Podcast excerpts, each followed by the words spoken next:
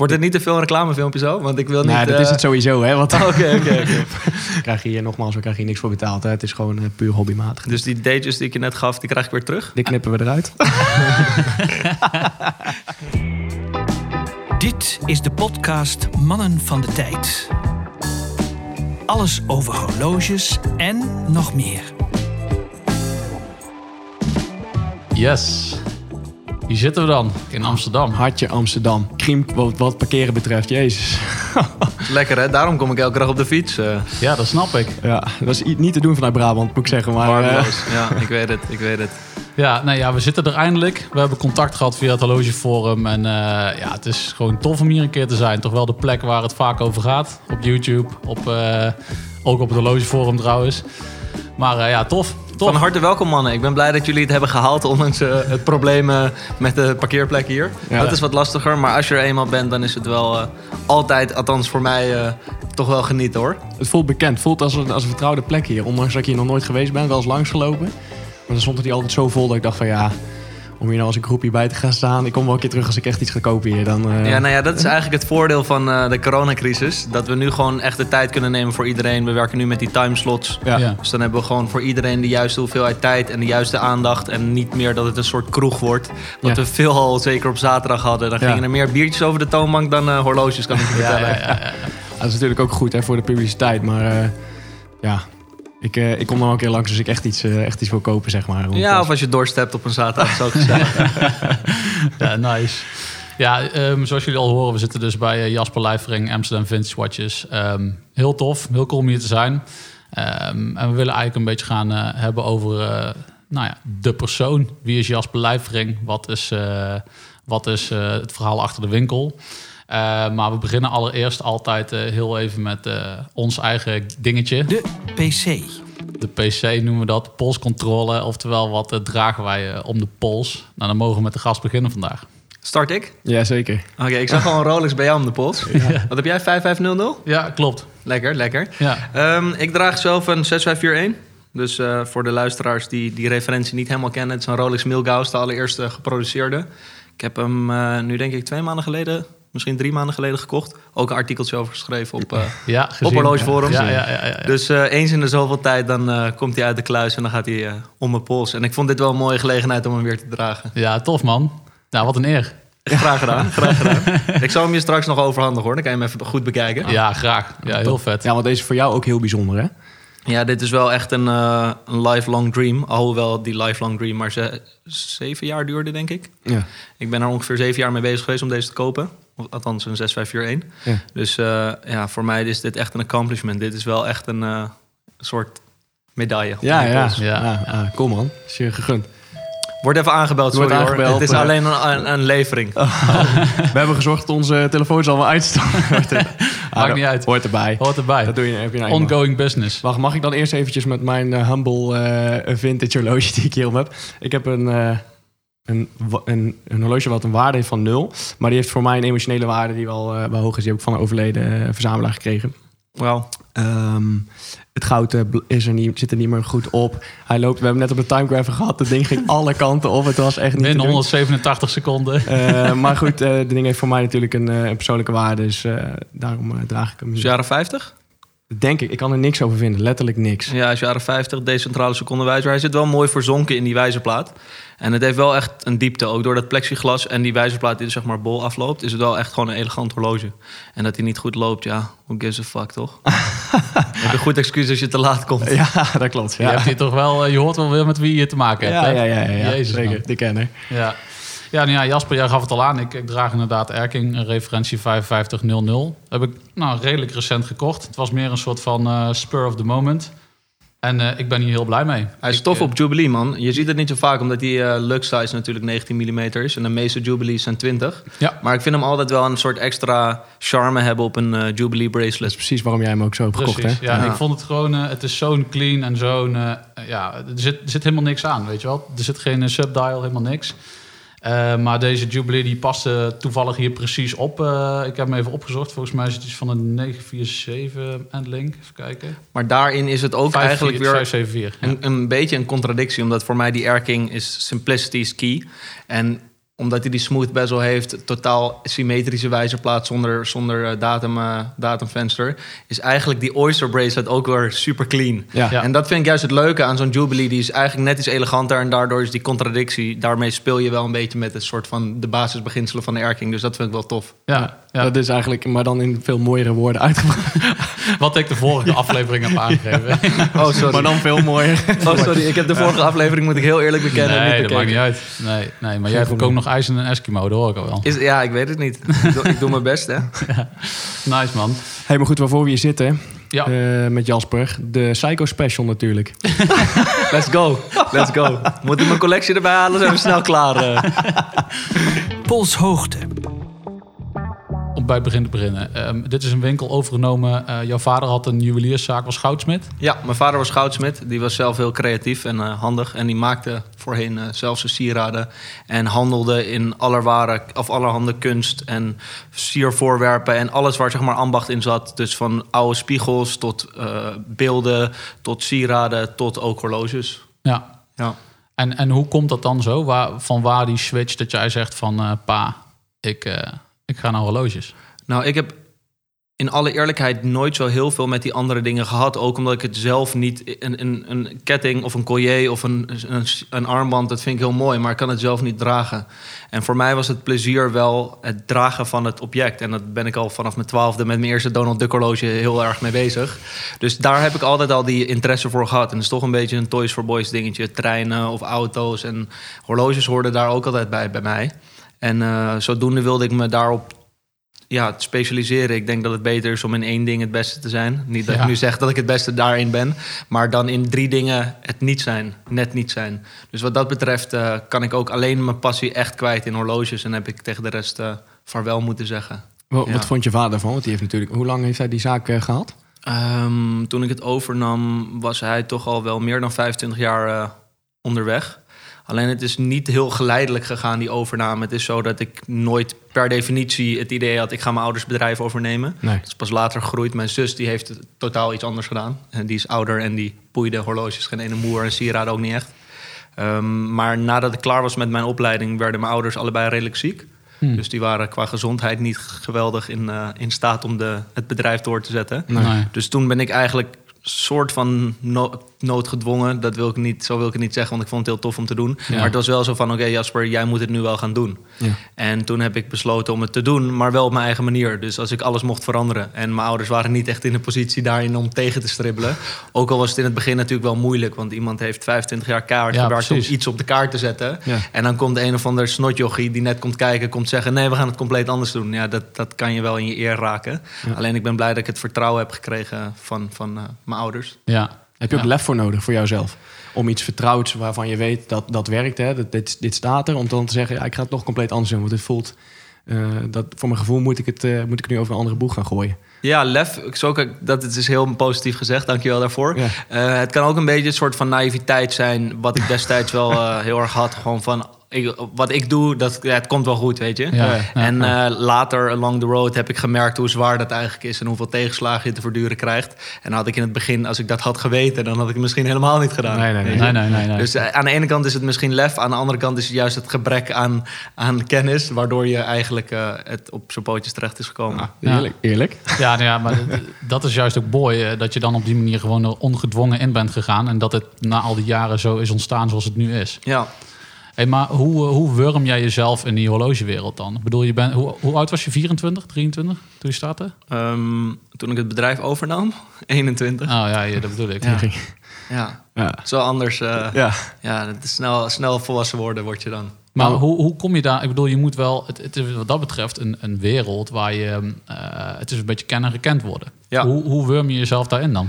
Ehm, wat voor ons heel erg heeft eh, geholpen is social media. Omdat wij een van de weinigen waren die ons al vrij vroeg profileerden op Instagram. We hebben nu ook daarmee het grootste horloge-account. In ieder geval over vintage horloges. Of een van de grootste ter wereld en in ieder geval de grootste van Nederland. Eh, dus daarin kan je al best wel snel, via internet kan je al best wel veel... eh, mensen bereiken. En ook zeker platformen als uh, Horlogeforum en uh, Facebookgroepen en dat soort dingen. En ik denk dat je als je interesse hebt in een bepaald onderwerp, dat zullen jullie denk ik kunnen beamen, dat je best wel snel ergens in wordt opgezogen. Ja. En voor je het weet zit je er middenin en ben je gewoon 18 uur per dag bezig met horloges. Ja. En uh, ik denk dat het zo bij mij is gegaan dat de mensen om me heen die ik om me heen begon te verzamelen dezelfde interesses hadden. En zodoende ben je er eigenlijk, ja, zit je er opeens middenin. Ja. Ja. Maar goed, jij had dan nog de luxe dat je mensen om je heen had die dezelfde interesses hadden. Hè? Maar uh, vandaag de dag, als je dat dus niet om je heen hebt en je hebt wel de interesses in horloges, dan ben je ontzettend gebaat bij uh, iemand zoals jij, die, uh, die daar filmpjes over neerzet en, en van alles in deelt. En bijvoorbeeld zo'n artikelen die je de laatste tijd op horlogeforum ook veel schrijft. Ja. ja. Dat zijn die dingen die leer je anders niet. Hè? Je moet anders diep de boeken in gaan duiken waar ook niet iedereen zin in heeft. Klopt. Ja, het is een vrij gesloten wereld. Het, het voelt voor heel veel mensen zelfs soms een beetje hotin. Zeker ja. als je kijkt naar uh, de dealers van uh, hoogsegment merken. Ja. Um, die voelen zich vaak niet prettig. Dat hoor ik ook in ervaringen. Mensen die bij die dealers langs gaan, die hebben niet het idee dat, dat ze een van de grootste uitgaven van hun leven gaan doen. Zo worden ze niet behandeld in Nee. ieder geval. Nee. Of omdat ze niet juist gekleed zijn volgens de dealer. Of omdat ze er niet rijk uitzien of iets dergelijks. En dat vond ik al vanaf het begin heel erg raar. En ehm, dat is een van de grondbeginselen geweest... waarom wij ons zo hebben toegelegd op social media. Omdat we dat wel kunnen doorbreken daarmee. We kunnen het veel toegankelijker maken. En dat is ook de reden dat we onze marketing zo persoonlijk hebben aangepakt. Zodat mensen echt het idee hebben... je bent bezig met andere liefhebbers... en niet met een bedrijf die gewoon cijfers ziet... en eh, gewoon een omzet wil draaien. Ja. Ja. Is dat dan ook, uh, is dat dus gevolg geweest dat jij je hebt gericht op de jongere generatie? Of is dat um, eigenlijk een, is die social media daar weer een gevolg van? Oftewel, wist jij van tevoren dat je daarop wilde richten? Of ontstond dat doordat jij richt op social media? Nee, ik wist daar van tevoren dat ik me daardoor, of daarop wilde richten. Um, ik heb zelf niet laat ik zo zeggen, ik ben zelf nooit heel welvarend geweest. Dus mijn jeugd bestaat niet uit heel veel geld of iets dergelijks. Dat wordt wel heel vaak gedacht. Um, dus ik weet hoe ongemakkelijk het kan voelen, omdat ik zelf die ervaring had om een horloge te kopen terwijl ik heel veel van horloges hield. En dan werd ik gewoon niet gezellig behandeld. Ja, ja, ja, ik, ik, kan een voorbeeld noemen. Als ik mijn ogen dicht doe, zie ik het nog steeds gebeuren. Toen was ik een jaar of 18, 19. En ik was kijken inderdaad naar mijn eerste Rolex. Want ik wilde, of 17 was ik zelfs, want ik wilde een Datejust kopen. En toen was ik in een winkel, en ik zal de naam niet noemen. Maar ik was in een winkel en toen vroeg ik van, oké, okay, hoeveel kost die Datejust? En toen zei die meneer tegen mij van, deze, oh nee, dit is een echte, zegt hij tegen mij. Ja. Dus ik dacht, ja, dit is, dit, ik vond het heel pijnlijk. Dus toen dacht ik, als ik het later zelf ga doen, Ja. dan wil ik niet dat het zo wordt. Nee. Nee, En ehm, dat is eigenlijk mijn motivatie ook geweest. Want ik weet dat er heel veel mensen zijn die gewoon heel graag met horloges bezig zijn. Maar die zich nu ja, weggedrukt voelen omdat er zo'n drempel is. En ik Ja. snap het ook, want we hebben zelf ook zo'n sluis, et cetera, voor de veiligheid. ja, maar, Maar ja. we willen wel gewoon dat het eh, gezellig is en dat we die passie kunnen delen. Maar dat heb ik ook nog steeds wel eens hoor. Bij, eh, bij juweliers als ik, of dealers als ik daar naar binnen stap. Ik weet een beetje de etiketten nu. Hè. Ik weet eh, hoe, je, ja, hoe je hoort te kleden. Het is, misschien slaat het nergens op. Hè, maar eh, hoe je een beetje serieus genomen wordt. En dan nog voel je het een beetje eh, kill is het altijd. Hè. Je wordt Ja. inderdaad wat je zegt. Het is geen feestje. Terwijl dat wel hoort te zijn natuurlijk. Je, je koopt iets waar je heel lang naar uitkijkt. Waar je echt super blij mee bent. Ik kijk naar jouw mailhuis. Dat is echt... Dat is fantastisch als je dat uiteindelijk eh, voor elkaar krijgt. Je wil gewoon dat, het- dat, het, dat er een feestgevoel aan ja, vasthangt. ja, eh. absoluut. Ja, ja, wat dat betreft, de mooiste anekdote vind ik, waarin echt bevestigde dat onze formule gelukt was, was een jongen die berichtte ons op Instagram en die zei: Ik ben op zoek naar een 1616 eh, uit de jaren 90. Hebben jullie er eentje? Dus wij hadden er eentje en hij zegt: Oké, ik wil deze erop inruilen. En hij stuurt een foto van een andere 1616. Dus ik vroeg van, oké, wat is er mis met die dan? Ja. Dus hij zei, nou ja, er is niks mis met het horloge... maar ik heb hem gekocht bij een andere winkel. En ik vond die ervaring zo niet leuk. Oh, dat elke keer als ik op dat horloge kijk... Ja. dan voel ik nog steeds die ervaring in die verkoper. Ja. En dit is mijn droomhorloge. En ik wil niet dat het verpest wordt... omdat die ervaring niet zo Ja. aangenaam was. Dus ik zeg, oké, is goed, maar dan moet je wel wat bijbetalen. Weet je? wel. We moeten ook wat verdienen. Dus die jongen heeft een paar honderd euro extra betaald... voor bijna hetzelfde horloge. Ja, ja. Maar dat vond hij het eh, waard. Ja, je, je hebt zijn ervaring wetgewassen. Ba- basically wel, ja. Basically wel. Ja. Ja, ja, tof. Ja, ik vind het echt netjes dat je dat, dat je dat blijft onthouden. Want natuurlijk zit je nou ook in een wereldje waarin er ook gewoon klanten zijn die misschien daar minder om geven. Hè? Die gewoon het zien als een zakelijke transactie. Ik wil gewoon zo snel mogelijk eh, koop ik wat. Ja. Is het niet voor de handel, dan is het eh, gewoon voor mijn collectie. Hè? En daar hoeft niet per se een feestgevoel aan te zitten. Maar ik vind het wel echt waardevol dat je dat, eh, dat, je dat nog ziet. En dat je dat nog dat herinnert van, van jezelf. Dat je dat echt nooit wil. Nou ja, dat is, we- je zegt het heel goed hoor. Want we hebben ook eh, eh, cliënten die hebben 30, 40 horloges bij ons gekocht. Of die hebben al Ja. eh, 2 miljoen euro aan horloges. Die komen Ja. binnen en die komen hun volgende horloge kopen. Ah, 30, Ja. 40.000 euro. Ja. En die zijn met 10 minuten weer weg. Ja. Eh, het is prima. En weet je, het brengt ook eh, geld op het plankje. Uiteraard. Maar uiteindelijk wat ik het allerleukste vind om te verkopen... is iemand zijn eerste Rolex. Omdat ik weet hoe belangrijk dat moment voor mij was. Ik weet Ja. dat iemand dat altijd blijft herinneren. En nadat die verkoop is gesloten, gaan we op de foto. En vaak brengen ze zelfs nog een flesje wijn of Ja, een flesje whisky. ja. Dan denk ik van hoe bijzonder is dat? Weet je, wij verkopen iets aan iemand. Wij laten iemand heel veel geld uitgeven. En iemand bedankt mij daarvoor. En die geeft nog zelfs een presentje. Ja, Eh, dat, dat vind ik eigenlijk nog veel mooier. En dat gaat om hele andere bedragen. Maar dat is eigenlijk, eh, doet dat me dan meer. Maar is dat niet jouw succes ehm, in de zin van, omdat je dus ook steeds meer ehm, naar, die, eh, naar dat hogere segment gaat, is het nog wel houdbaar voor jouzelf om nog die, die, die, die 20-jarige jongen die je zijn eerste Datejust koopt, om die ook nog te kunnen bedienen? Dat is inderdaad een eh, heel hekel punt geworden. Omdat eh, het, dat, zo'n zo'n eh, persoon kost ook vaak meer tijd. Ja. En levert natuurlijk minder geld op. Wat Ja, dat betreft exact. moet ik wel economisch rekenen voor mezelf. Ja. Eh, dus over het algemeen doet mijn, doen mijn collega's dat. We hebben een heel goed team. En die maken uiteindelijk meestal die deal rond. En die doen al die research daarmee. En met die mensen zijn ze bezig. En uiteindelijk als de deal gesloten is, dan kom ik. En dan kom ik er nog een praatje maken. Nu lijkt het net alsof ik een soort act ben. ik ik hier is mezelf hoor. Als ik dit zeg, vind ik afgrijzelijk. Maar dan geven die mensen... Ja, precies. Maar dan hebben die mensen toch een beetje het idee ook dat ze, weet je... eh, Ja, man. die Ja. hele ervaring hebben gehad. Nee, maar goed, je zegt dat nou wel als een grap, hè? Maar je, begint nu, of als het al niet zo is, wel een, een bepaalde een soort BN'er-status eh, te verwerven. En mensen komen ook daadwerkelijk voor jou. En dan zul je ook echt wel merken als hier mensen in de, in de zaak staan. Eh, en mensen kennen jouw collega's natuurlijk eh, inmiddels ook wel van de filmpjes en zo. Mhm. Maar de helft, ik, of is het niet meer, die zal zeker vragen: hey, Jasper er niet? Of, eh, Ja. en dat draagt ook zeker wel bij aan de, aan de klanditie die je hebben. Want het is gewoon tof om te zeggen van... Hey, bij die gast heb ik dus mijn Rolex gekocht. Hè. Dat is gewoon cool. Ik hoop het. Ik hoop het. Nou, leuk om te horen in ieder geval. Eh, we doen ons best, maar we zetten dat wel neer. Dat hele gevoel zetten we neer met het hele team. Ja. En omdat ik over het algemeen op de voorgrond eh, treed... betekent niet dat ik daarin waardevoller ben dan de rest. Want kan je oprecht zeggen, niet als een cliché of iets dergelijks. Want ik heb heel veel moeite gehad met het juiste personeel aantrekken. Ja. En we staan nu met een, een selectie hier waar ik echt fucking trots op ben. En waar ik gewoon zeker van weet dat ik... eh, eh, elke persoon die hier binnenkomt in goede handen la- overlaat. Ja, Dus, eh, ja selectie, voetbaltermen. precies. Ja, toch? ja, ja, mooi. Hey, maar even iets anders, want er zit natuurlijk ook een keerzijde aan. En eh, wij hebben op het Horloge Forum contact gehad, omdat ik, ik heb een interview gezien wat jij hebt gegeven aan ehm Vice. Nice. En ehm, daar ging het ook best wel veel over wat het voor jou, zeg maar, als ehm, nou ja, de, de andere kant van de medaille heeft. Hoe zit dat dan? Ik bedoel, hoe ehm, ehm, veiligheid, eh, veiligheidsgevoel. eh, nou ja, we hebben het hier net eh, over die bom gehad eh, aan, aan jouw pand. Ehm, is het het dan nog wel waard? Het is niet dat het me overkomt. Ik weet van tevoren, ik ben niet zo naïef geweest. Ik weet van tevoren dat onze marketingstrategie eh, dit ook in de hand werkt. En juist omdat we het zo toegankelijk maken, dat het ook toegankelijk wordt voor heel veel personen die je liever niet erbij wilt hebben. Ehm, dus het is niet dat ik nu helemaal eh, in zak en as zit en denk van waarom gebeurt mij dit altijd? Ik weet dat dit het risico is wat erbij hoort. Nu doen we er alles aan om dat zoveel mogelijk te beperken. Nou ja, die bomaanslag is al niet gelukt omdat we dus de juiste beveiliging hebben. Ja. Ja. Eh, en daarnaast heb ik nog een hele hoop andere beveiligingsmethodes om me heen verzameld. Waar Ja, ik niet heel. Nee, heel veel over kan, kwijt kan, eh, om logische redenen. Mhm. Maar ehm, ja, we hebben wel veel ervaring gehad. En ik in het bijzonder ook voorheen, waar ik veel van heb kunnen leren.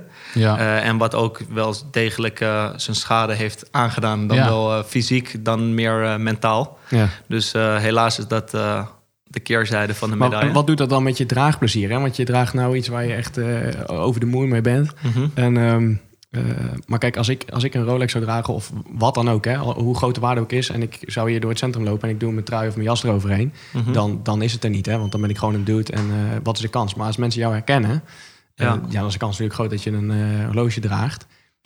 Eh, Doet dat nog iets met jou eh, als voor draagplezier, zeg maar? Eh, Helemaal niks. Helemaal niks. Je laat je niet van je stuk brengen. Nee, ik denk als je dat doet, dan laat je de angst al winnen en dan heeft het al geen zin meer. Dus ik ben er ook niet mee bezig. Het is niet als ik een kostbaar horloge om heb, dat ik continu denk van, oh, wa- waar ben ik mee bezig? En straks ziet iemand het of iets dergelijks. Alleen we hebben wel de nodige voorzorgsmaatregelen. Bijvoorbeeld als we ergens zijn op events of in restaurants. Nou ja, nu dan niet. Maar in niet-coronatijd. Ja. Dat we het wel pas posten bijvoorbeeld als we weg zijn. Dus we posten Ja. nooit op social social Nee, media op gaat het moment dat we er mee zijn. Precies. Ja. En ehm, ik, heb, ik ben meestal dan ook niet in mijn eentje. Dus ik heb wel de nodige veiligheidsmaatregelen genomen in Ja, zo'n situatie. Ja. Ja, en terecht. Ik bedoel, eh, ja. Ja. uiteindelijk eh, is het gewoon serious business. En, eh, en daar moet je ook gewoon wel serieus Ik moet er wel om maatregelen lachen joh, als ik dan naar mezelf kijk. Kijk, jij loopt net een horloge van eh hele grote waarde, eh, financieel dan. ik, toen ik mijn trouwhorloge kocht in Amsterdam, was ik allemaal, had ik een speciale tas meegenomen dat het niet op zou vallen en zo. Terwijl we dan hebben we over 4.500 euro. Ja, nou ja, maar dat, ik denk dat het niet zo heel veel uitmaakt uiteindelijk om welk bedrag het gaat. Het is ook een, een knop in je hoofd. En dat heeft bij mij ook eh, heel veel geduurd. In het begin was het ook anders. Ik kan me herinneren, de eerste horloges die ik dan kocht, ging ik ook op, op reis met eh, een paar duizend euro contant ergens heen. En dan was ik ook fucking bang. En dus dat kom heen te kijken in de trein. Van, oh, straks hebben ze het door. Ja, dat zijn, eh, ja, dat is ook gewenning, denk ik. Ja, dat geloof ik al. Misschien slijt dat wel, ja. Ja. ja. Ja, nou ja, uiteindelijk als je dat vaker draagt, dan je kan ook niet meer eh, zo lang eh, daarmee bezig zijn. Nee. Op een gegeven moment schakelt je lichaam er toch wel, of je, je hersenen dat toch wel uit. Ja, maar ik, ik, mag ik nog heel veel een klein stukje toevoegen over eh, veiligheid daarover. Ehm, het is nu niet anders dan dat het voorheen was.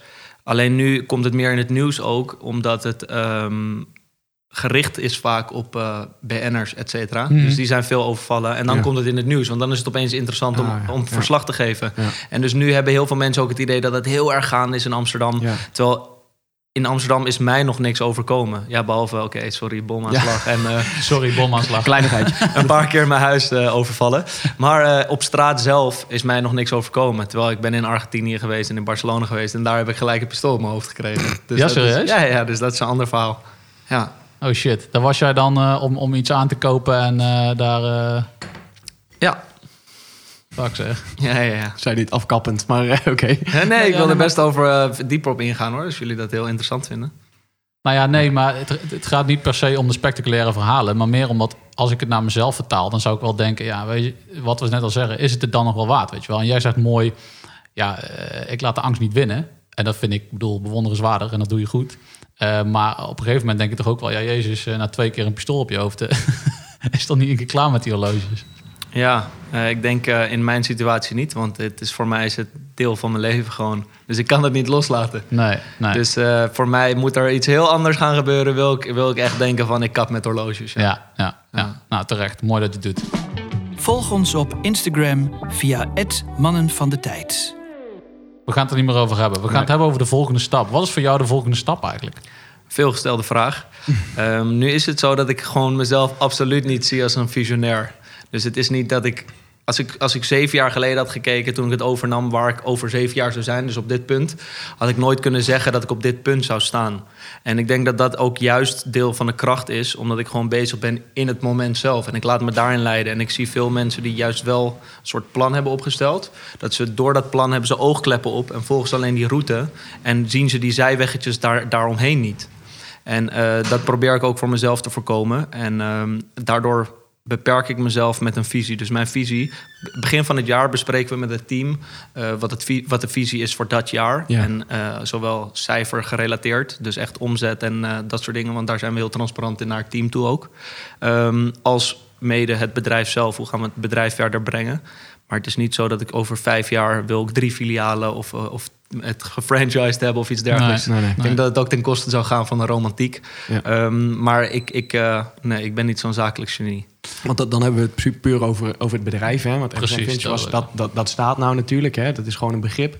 Eh, noem eh, horloges. En bijna iedereen die ook maar iets van die horloge kan schrijven, bij wijze van spreken, die, die noemt of jouw naam of Amsterdam Vintage Watch.